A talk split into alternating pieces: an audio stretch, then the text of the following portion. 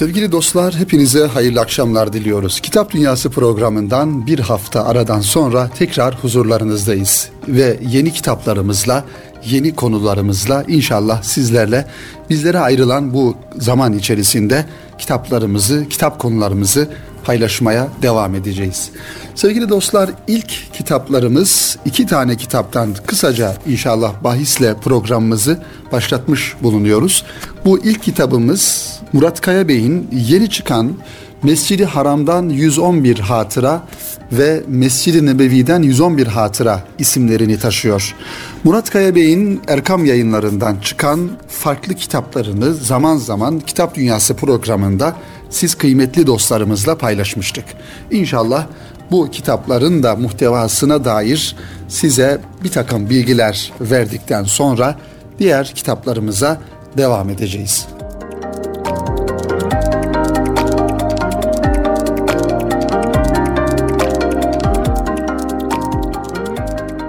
Efendim Murat Kaya Bey'in Efendimiz'den Hayat Ölçüleri isimli hadis kitabı geçtiğimiz yıllarda Altınoluk dergisinin okuyucularına, abone olan e, insanlara hediye edilmiş bir kitaptı ve ondan sonra yine hadis merkezli, hadisleri ihtiva eden Buhari'de namaz, Buhari'de temizlik ve Buhari'de iman isimli üç farklı kitabı da yine Murat Kaya Bey'in Erkam yayınları arasından çıkan kitaplarından. Daha önceleri bir set halinde yine Erkam yayınlarından neşredilen Murat Kaya Bey'in Hazreti Ebu Bekir, Hazreti Ömer, Hazreti Osman, Hazreti Ali radıyallahu anhum efendilerimizden 111 Hatıra isimli kitapları yine aynı o mümtaz şahsiyetlerin hayatından ölçüler ismiyle bir set halinde bir e, kutu içerisinde okuyucularımızla kitap dostları ile paylaşılmıştı. Şimdi sizlere tanıtacağım bu iki kitap aslında az önce bahsetmiş olduğum bu set kitaba ilave olarak neşredilen yine o güzel beldelerden Efendimiz sallallahu aleyhi ve sellemin hayatını geçirdiği, güzide hayatını geçirdiği, önce dünyaya teşrif ettiği ve doğup büyüdüğü, daha sonra hicret ettiği her iki kutsal e, ve mübarek mekanı içinde barındıran hem o şehirlerden hem de Mescid-i Nebevi'den ve Mescid-i Haram'dan 111 hatırayı bu kitaplar içinde barındırıyor.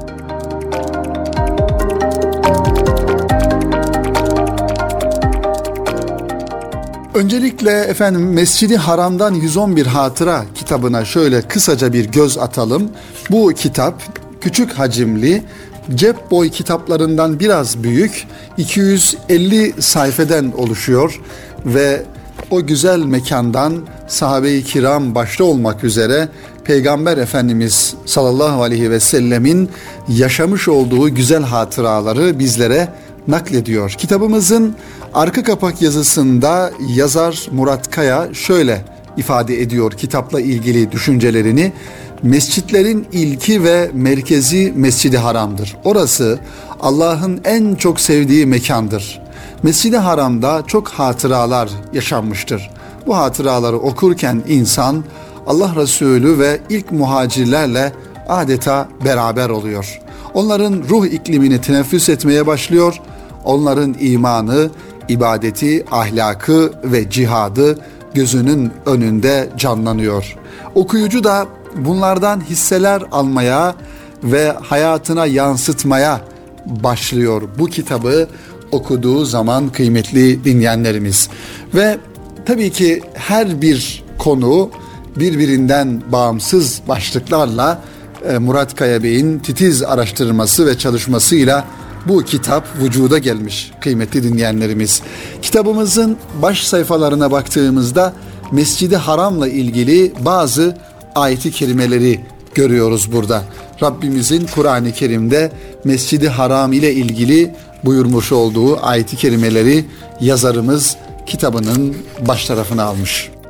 Ve hemen devamında sevgili dostlar Mescidi Haram'ı anlatırken e, yazarımız Kabe'nin temellerinin hangi tarih olarak nereye dayandığını, nasıl yapıldığını, nasıl vücuda geldiğini, Hazreti İbrahim Aleyhisselam'ın Kabe'yi yapma serüvenini Hazreti İsmail Aleyhisselam'dan, oğlundan almış olduğu yardımı ve daha sonra ise Hazreti İbrahim'in bu binayı oğlu İsmail aleyhisselam ile beraber yaparken Rabbena tekabbel minna inneke entes semi'ul alim ayeti kerimesini duasını e, okuduğunu biz bu kitabın sayfalarında okumuş oluyoruz, görmüş oluyoruz efendim.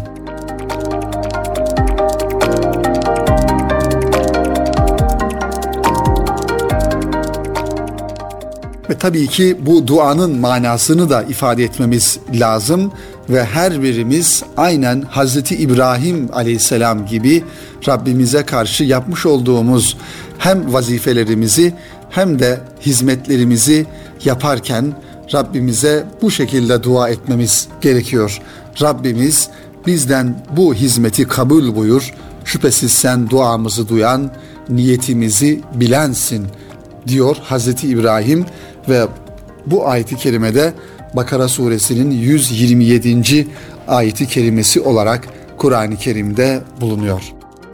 Efendim kitabımızın ilerleyen sayfalarına baktığımızda aslında hem bir hatıra yani 111 hatıra isminden de anlaşılacağı üzere o güzel mekanda yaşanan sahabe-i kiramın Efendimiz sallallahu aleyhi ve sellemin yaşamış olduğu hatıraları yazarımız anlatırken bir taraftan da bu mekanın tarihi yönünü ve bu mekanla alakalı bilinmesi gereken ta Hazreti İbrahim Aleyhisselam'dan başlayıp Efendimiz'e kadar gelen o süreç içerisinde hatta Efendimiz'den önceki Abdülmuttalib'in Efendimiz'in dedesinin amcasının o mekana yapmış olduğu hizmetleri ve hatta baktığımızda müşriklerin yani Kabe'nin etrafında o zaman o dilimin zaman diliminde yaşayan ama Cenab-ı Hakk'a ortak koşan, şirk koşan hatta Kabe'nin etrafını putlarla dolduran o insanların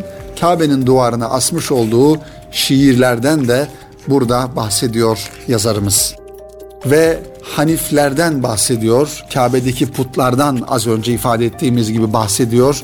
Kabe'nin yeniden inşasının nasıl olduğunu ve Kabe'nin önemli bir unsuru olan Haceri Esved'i yerine nasıl konulduğunu, bu taşın yerine nasıl konulduğunu, bu taşla ilgili bilgileri burada görmüş oluyoruz. Ve Kabe'nin kıymetli dostlar, Kabe'nin alemin merkezi olduğunu burada ifade ediyor yazarımız. Dilerseniz bu kısacık bölümü sizlerle paylaşalım. Hem de kitabın muhtevasını biraz daha yakından görmüş olalım efendim.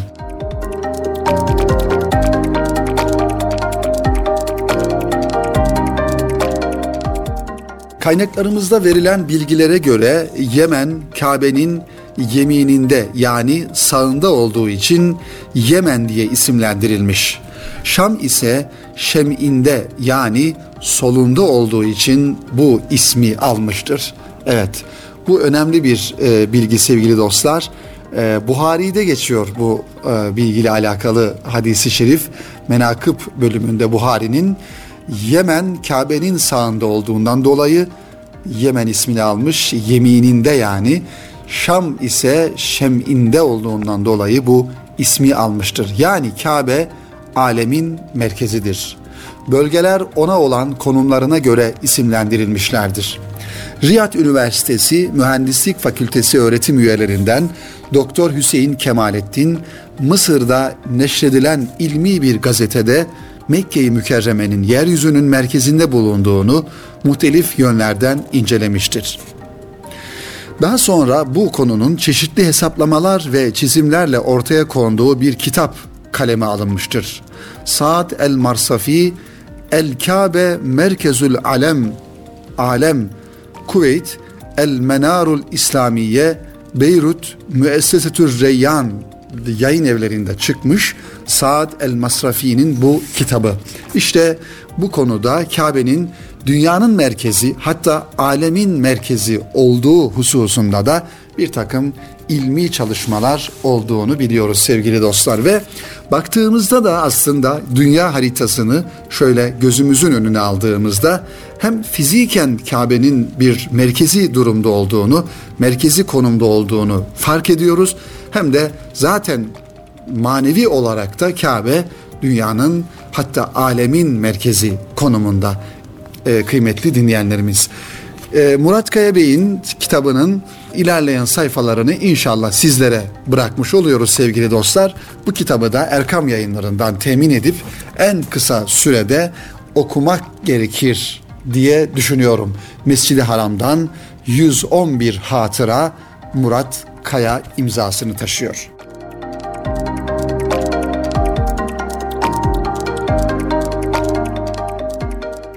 Sevgili dostlar yine Murat Kaya Bey'in ikinci kitabı bu seriden devam edelim. İkinci kitabı aynı anda yayınlandığından dolayı her iki kitabı da beraber e, sizlere tanıtmayı uygun görmüş olduk. Mescid-i Nebevi'den 111 hatıra.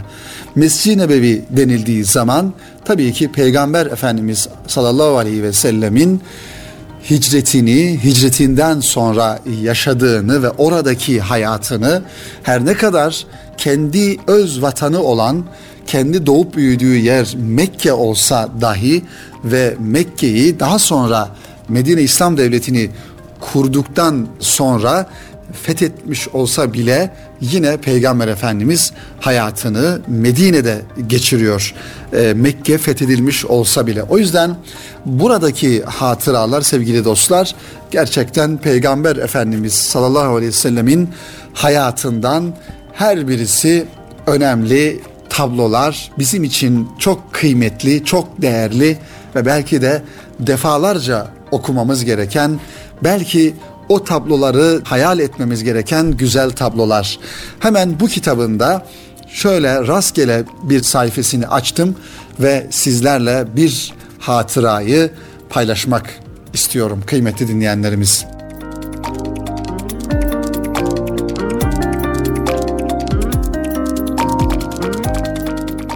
Kıble değiştiğinde mescidin arka tarafının üstü örtüldü ve bir tavan yapıldı. Böyle yerlere suffe veya zulle ismi veriliyordu. İlk müşterileri açıkta kalan fakir muhacirler olduğu için oraya Suffetül Muhacirin de deniyor. Daha sonra Medine'ye gelen yabancı heyetler ve fertler de bu suffeye dahil olmuşlardır. Ehli suffe muhtelif kabilelerin karışımından müteşekkil oldukları için Allah Resulü Efendimiz onlara Evfat ismini vermişlerdi. Medine-i Münevvere'ye gelen biri tanıdığı varsa onun evine misafir olurdu yoksa suffede kalırdı. Ensardan zühd ve fakir hayatını seven, zahitlik hayatını seven bazı sahabiler de evleri olduğu halde suffede kalmayı tercih ediyorlardı. Kab İbni Malik, Hanzala bin Ebi Amir, Harise bin Numan radıyallahu anhum gibileri. Ehli Suffe'nin adedi devamlı artar ve eksilirdi. Bir ara 70 kişi oldukları nakledilmiştir. Başka bir zamanda ise Sa'd İbni Ubade'nin 300 kişiye yemek yedirdiği olmuş ancak bu esnada diğer sahabilerin misafir ettiği Suffe ehlinin kaç kişi olduğu bildirilmemiştir. Ehli Suffe ilme, ibadete ve zikre teksif olurlar. Bir yerde cihat zuhur ettiğinde hemen oraya koşarlardı. Kendilerini soğuktan koruyacak ve bütün vücutlarını örtecek tam bir elbiseleri bile olmazdı. Ebu Hureyre radıyallahu anh şöyle anlatıyor. Ben Suffe ehlinden 70 kişiyi gördüm. Hiçbirinin vücudunun üst tarafını örten elbisesi yani ridası yoktu. Ya belden aşağı giyilen bir izar ya da boyunlarına bağlayıp aşağıya saldıkları bir elbiseleri vardı. Bunların bir kısmı baldırlarının yarısına, bir kısmı da topuklarına erişirdi de avret yerleri görülmesin diye elbiselerini elleriyle toplarlardı. Ebu Hureyre radıyallahu anh'ın Buhari'nin salat bölümünde rivayet ettiği bir hadise kıymetli dostlar. Ehli suffenin yani suffe ehlinin bir manada içinde bulunmuş olduğu durumu gözler önüne seriyor. Yani hiçbiri vücudunu tam olarak örtecek iki parça kumaş bulamıyordu. Suffe ehlinin yiyecekleri çoğunlukla hurmaydı. Efendimiz sallallahu aleyhi ve sellem onlara her gün kişi başı yarım müt yani belli bir gramajda olan hurma ikram ediyordu, veriyordu. Elinde olsa Efendimizin et gibi farklı yemekler de ikram etmek istediğini ifade ederek sabretmelerini onlara tavsiye bulunuyordu. Ahirette kendilerine ihsan edilecek nimetleri bilseler bu yokluğa hiç üzülmeyeceklerini Peygamber Efendimiz ifade buyuruyorlardı. Allah Resulü Efendimizin eline ne geçse ehli suffeye ikram ettiği de yine kaynaklarda bize gelen haberler arasında.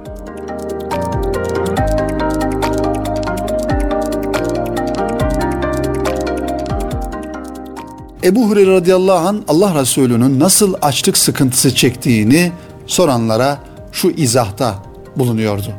Bu durum onun etrafını saran kimselerin ve misafirlerinin çokluğundan kaynaklanıyordu. Zira Peygamber Efendimiz beraberinde bir kısım ashabı ve mescitteki ihtiyaç sahipleri olmadan asla yemek yemezdi.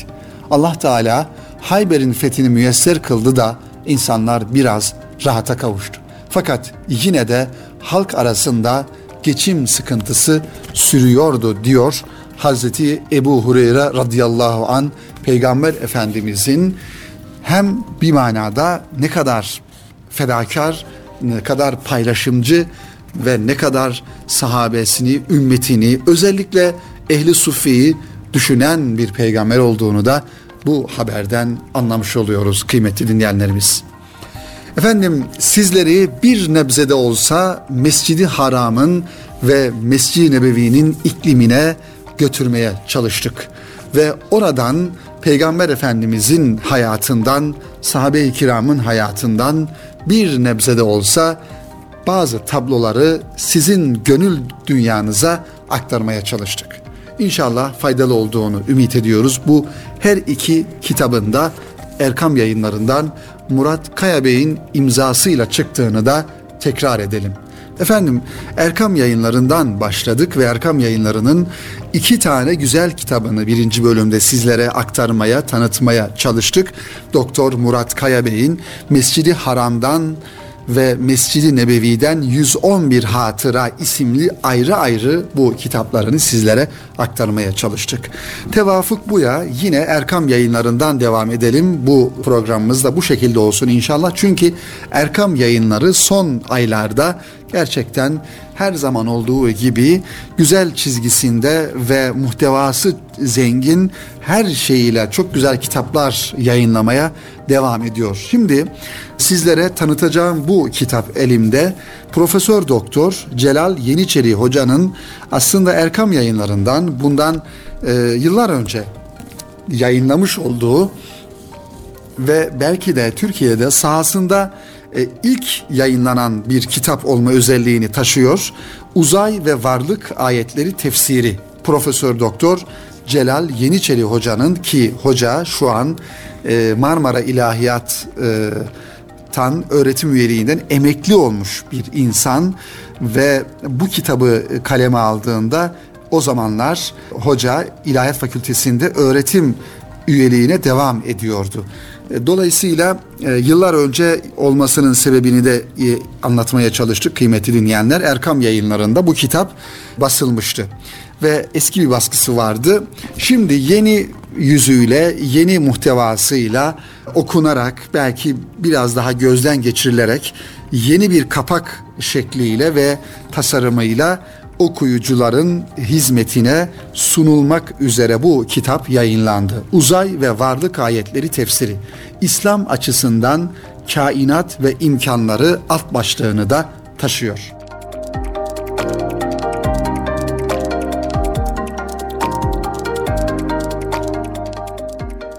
Efendim Celal Yeniçeri Hoca'nın kendi alanında ilk kitap olabileceğini bu kitabın yayınlandığı yıllarda olduğunu ifade ettik. Gerçekten uzayla alakalı dünya ve dünyanın dışındaki gezegenlerle alakalı Kur'an-ı Kerim'de birçok ayeti kerimenin olduğunu da biliyoruz.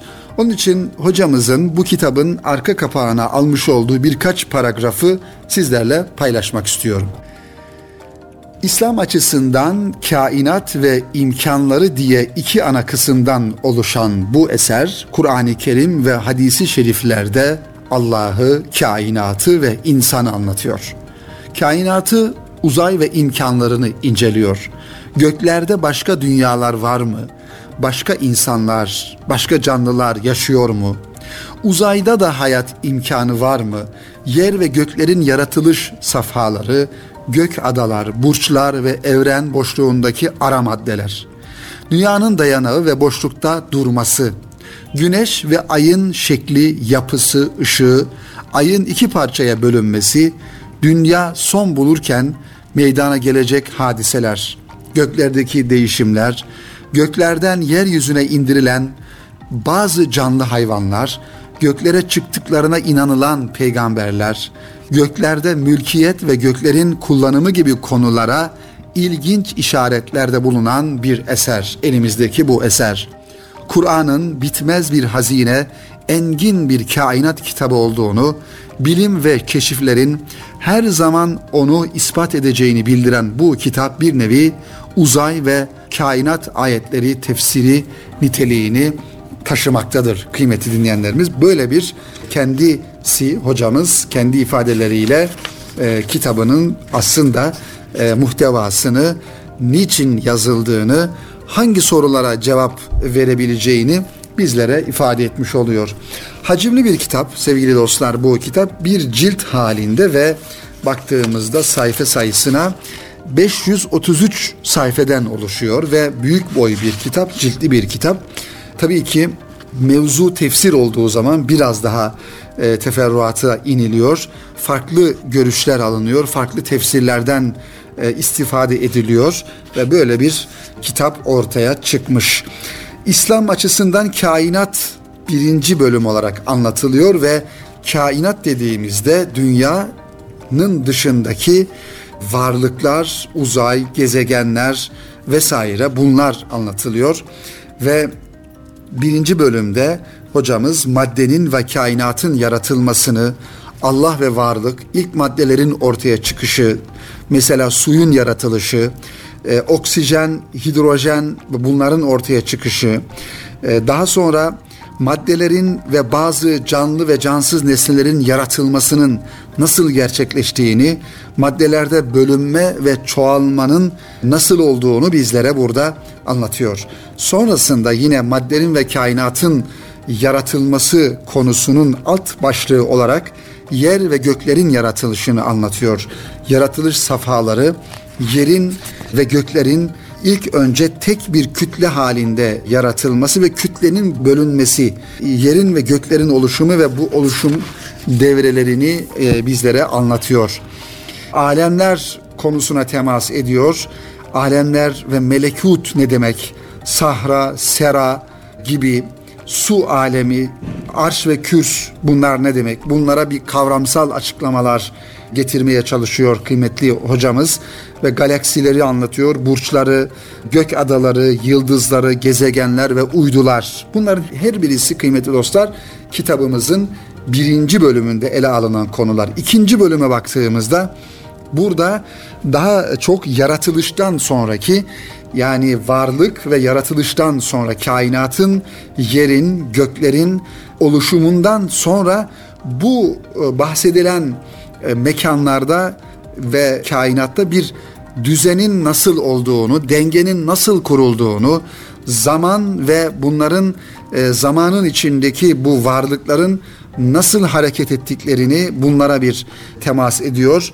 Kainatta mesafe ve zaman konusu, e, yerin ve göğün yaratılış süreleri ne kadar zamanda yaratıldı bunlar, zamanı ileriye ve geriye alma gibi kainattaki hareketler, güneşin hareketleri, ayın hareketleri, ay ve güneş tutulması, dünyanın hareketleri gibi konuları hocamız burada bizlere anlatıyor. Tabi kitap hacimli dedik. Buradaki bütün konuları sizlere e, aktarma ve teferruatına girme imkanımız olmadığından dolayı e, baktığımızda kitabımız kıymetli dostlar tam 7 bölümden oluşuyor. Gerçekten uzayla ilgili Kur'an-ı Kerim'in İslam'ın nasıl bir bakış açısı sunduğunu, nasıl bir bakış açısıyla olayları değerlendirdiğini öğrenmek istiyorsak gerçekten bu konuya merakımız varsa Profesör Doktor Celal Yeniçeri Hoca'nın e, uzay ve varlık ayetleri tefsirini mutlaka okumamız gerekiyor.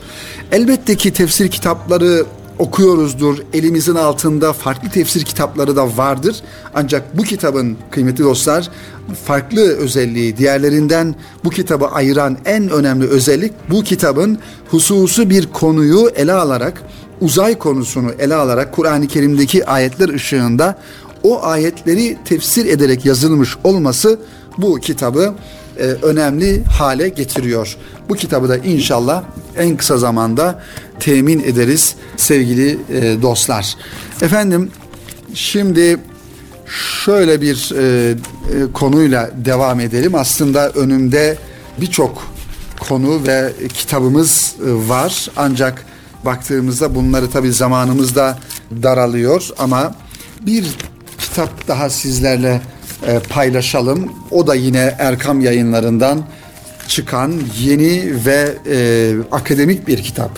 Bu kitapta yardımcı doçent doktor Bilal Yorulmaz imzasını taşıyor. Kitabımızın adı Ailede Değerler Eğitimi.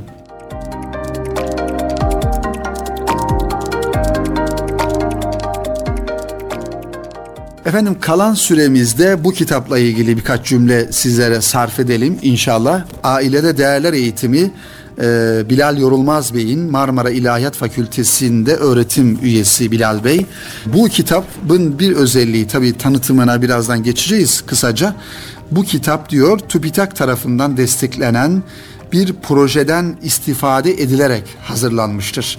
Yani bu kitabın yazarı bu kitapla alakalı çalışmalarını, altyapısını ve bu kitapla ilgili yapmış olduğu e, bir takım faaliyetleri TÜBİTAK'ın desteğiyle ortaya koyduğunu ifade ediyor. Değerler eğitimi son yıllarda sevgili dostlar ehemmiyet kazanan bir konu oldu. Aslında bir parantez açarak şunu da ifade etmem gerekiyor kıymetli dinleyenler. Değerler eğitimi e, bir zamanlar e, ilk çıktığı zaman bu kavram bir manada çok tanımlanamamıştı. Yani ne demek değerler eğitimi? Değerler eğitiminden neyi kastediyor bilim adamları? Tabii bunu son yıllarda bizim kendimize ait gördüğümüz İslam'dan, geleneklerimizden, bizim toplumumuzu oluşturan o kodlardan oluşan ve kabul ettiğimiz, bizi biz yapan e, unsurlar dediğimiz her şey bizim için bir değer olduğundan dolayı bu değerlerin bütününe, bütününü daha doğrusu daha sonraki nesillere aktarma ve bu değerlerle yeni nesilleri tanıştırma anlamında yapılan faaliyetler bir manada değerler eğitimi kapsamına girmiş oluyor. Tabii aslında e, eskiden eskiden dediğim yani geçmiş yıllarda belki bundan 30 sene önce, 40 sene önce ve daha e, önceki yıllarda toplum kültürünü, dinini, geleneklerini birbirine aktararak, birbiriyle paylaşarak, birbirinden öğrenerek e, yaşıyordu. Şu anda da aynı şey belki yapılıyor ama bu işin bir de ilmi ve bilimsel tarafı ortaya çıkmış oldu. Yani biz mesela evde çocuğumuza iyi insan olmayı, ahlaklı insan olmayı, dindar bir insan olmayı eskiden aile ortamında, mahalle ortamında çocuklarımız veya nesillerimiz öğrenirken bugün bunları bu ortamlarda öğretemediğimizden dolayı bunların eğitimine, bunların eğitimini veren kurumlara ihtiyaç duyduk. Bu ne kadar iyi, ne kadar kötü bunu da ayrıca tartışmak lazım. İşte Yardımcı doçent doktor Bilal Yorulmaz Bey de diyor ki elinizde bulunan bu kitap önemine binaen sadece ailede değerler eğitimine yoğunlaşmaktadır. Bu bağlamda ülkemizde ve dünyada ailede değerler eğitimi, ailede din eğitimi, ailede ahlak eğitimi konularında yapılan araştırmalar, tezler, kitaplar, kitap bölümleri, bildiriler taranmış ve bir bütünlük içerisinde teorik çerçeve oluşturulmaya çalışılmıştır. Yapılan araştırmanın bulguları da göz önünde bulundurularak ailede değerler eğitimi yapılırken dikkat edilmesi gereken hususlar bu kitapta belirlenmeye çalışılmış, bunların çerçevesi çizilmeye çalışılmıştır. Kıymetli dinleyenlerimiz bu kitabı da Erkam Yayınları yayınladı ve sizlere özellikle değerler eğitimi alanında eğitim veren e, hocalarımıza, öğretmenlerimize bu işin bilimsel yönlerini e, öğrenme açısından, farklı bir bakış açısını görme açısından tavsiye edilebilecek olan bir kitap olduğunu da ifade edelim sevgili dostlar.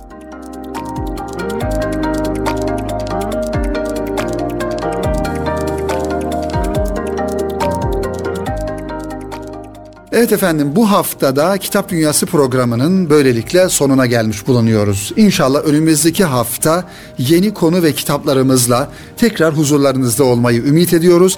Hepinizi Rabbimize emanet ediyoruz efendim. Hoşçakalın.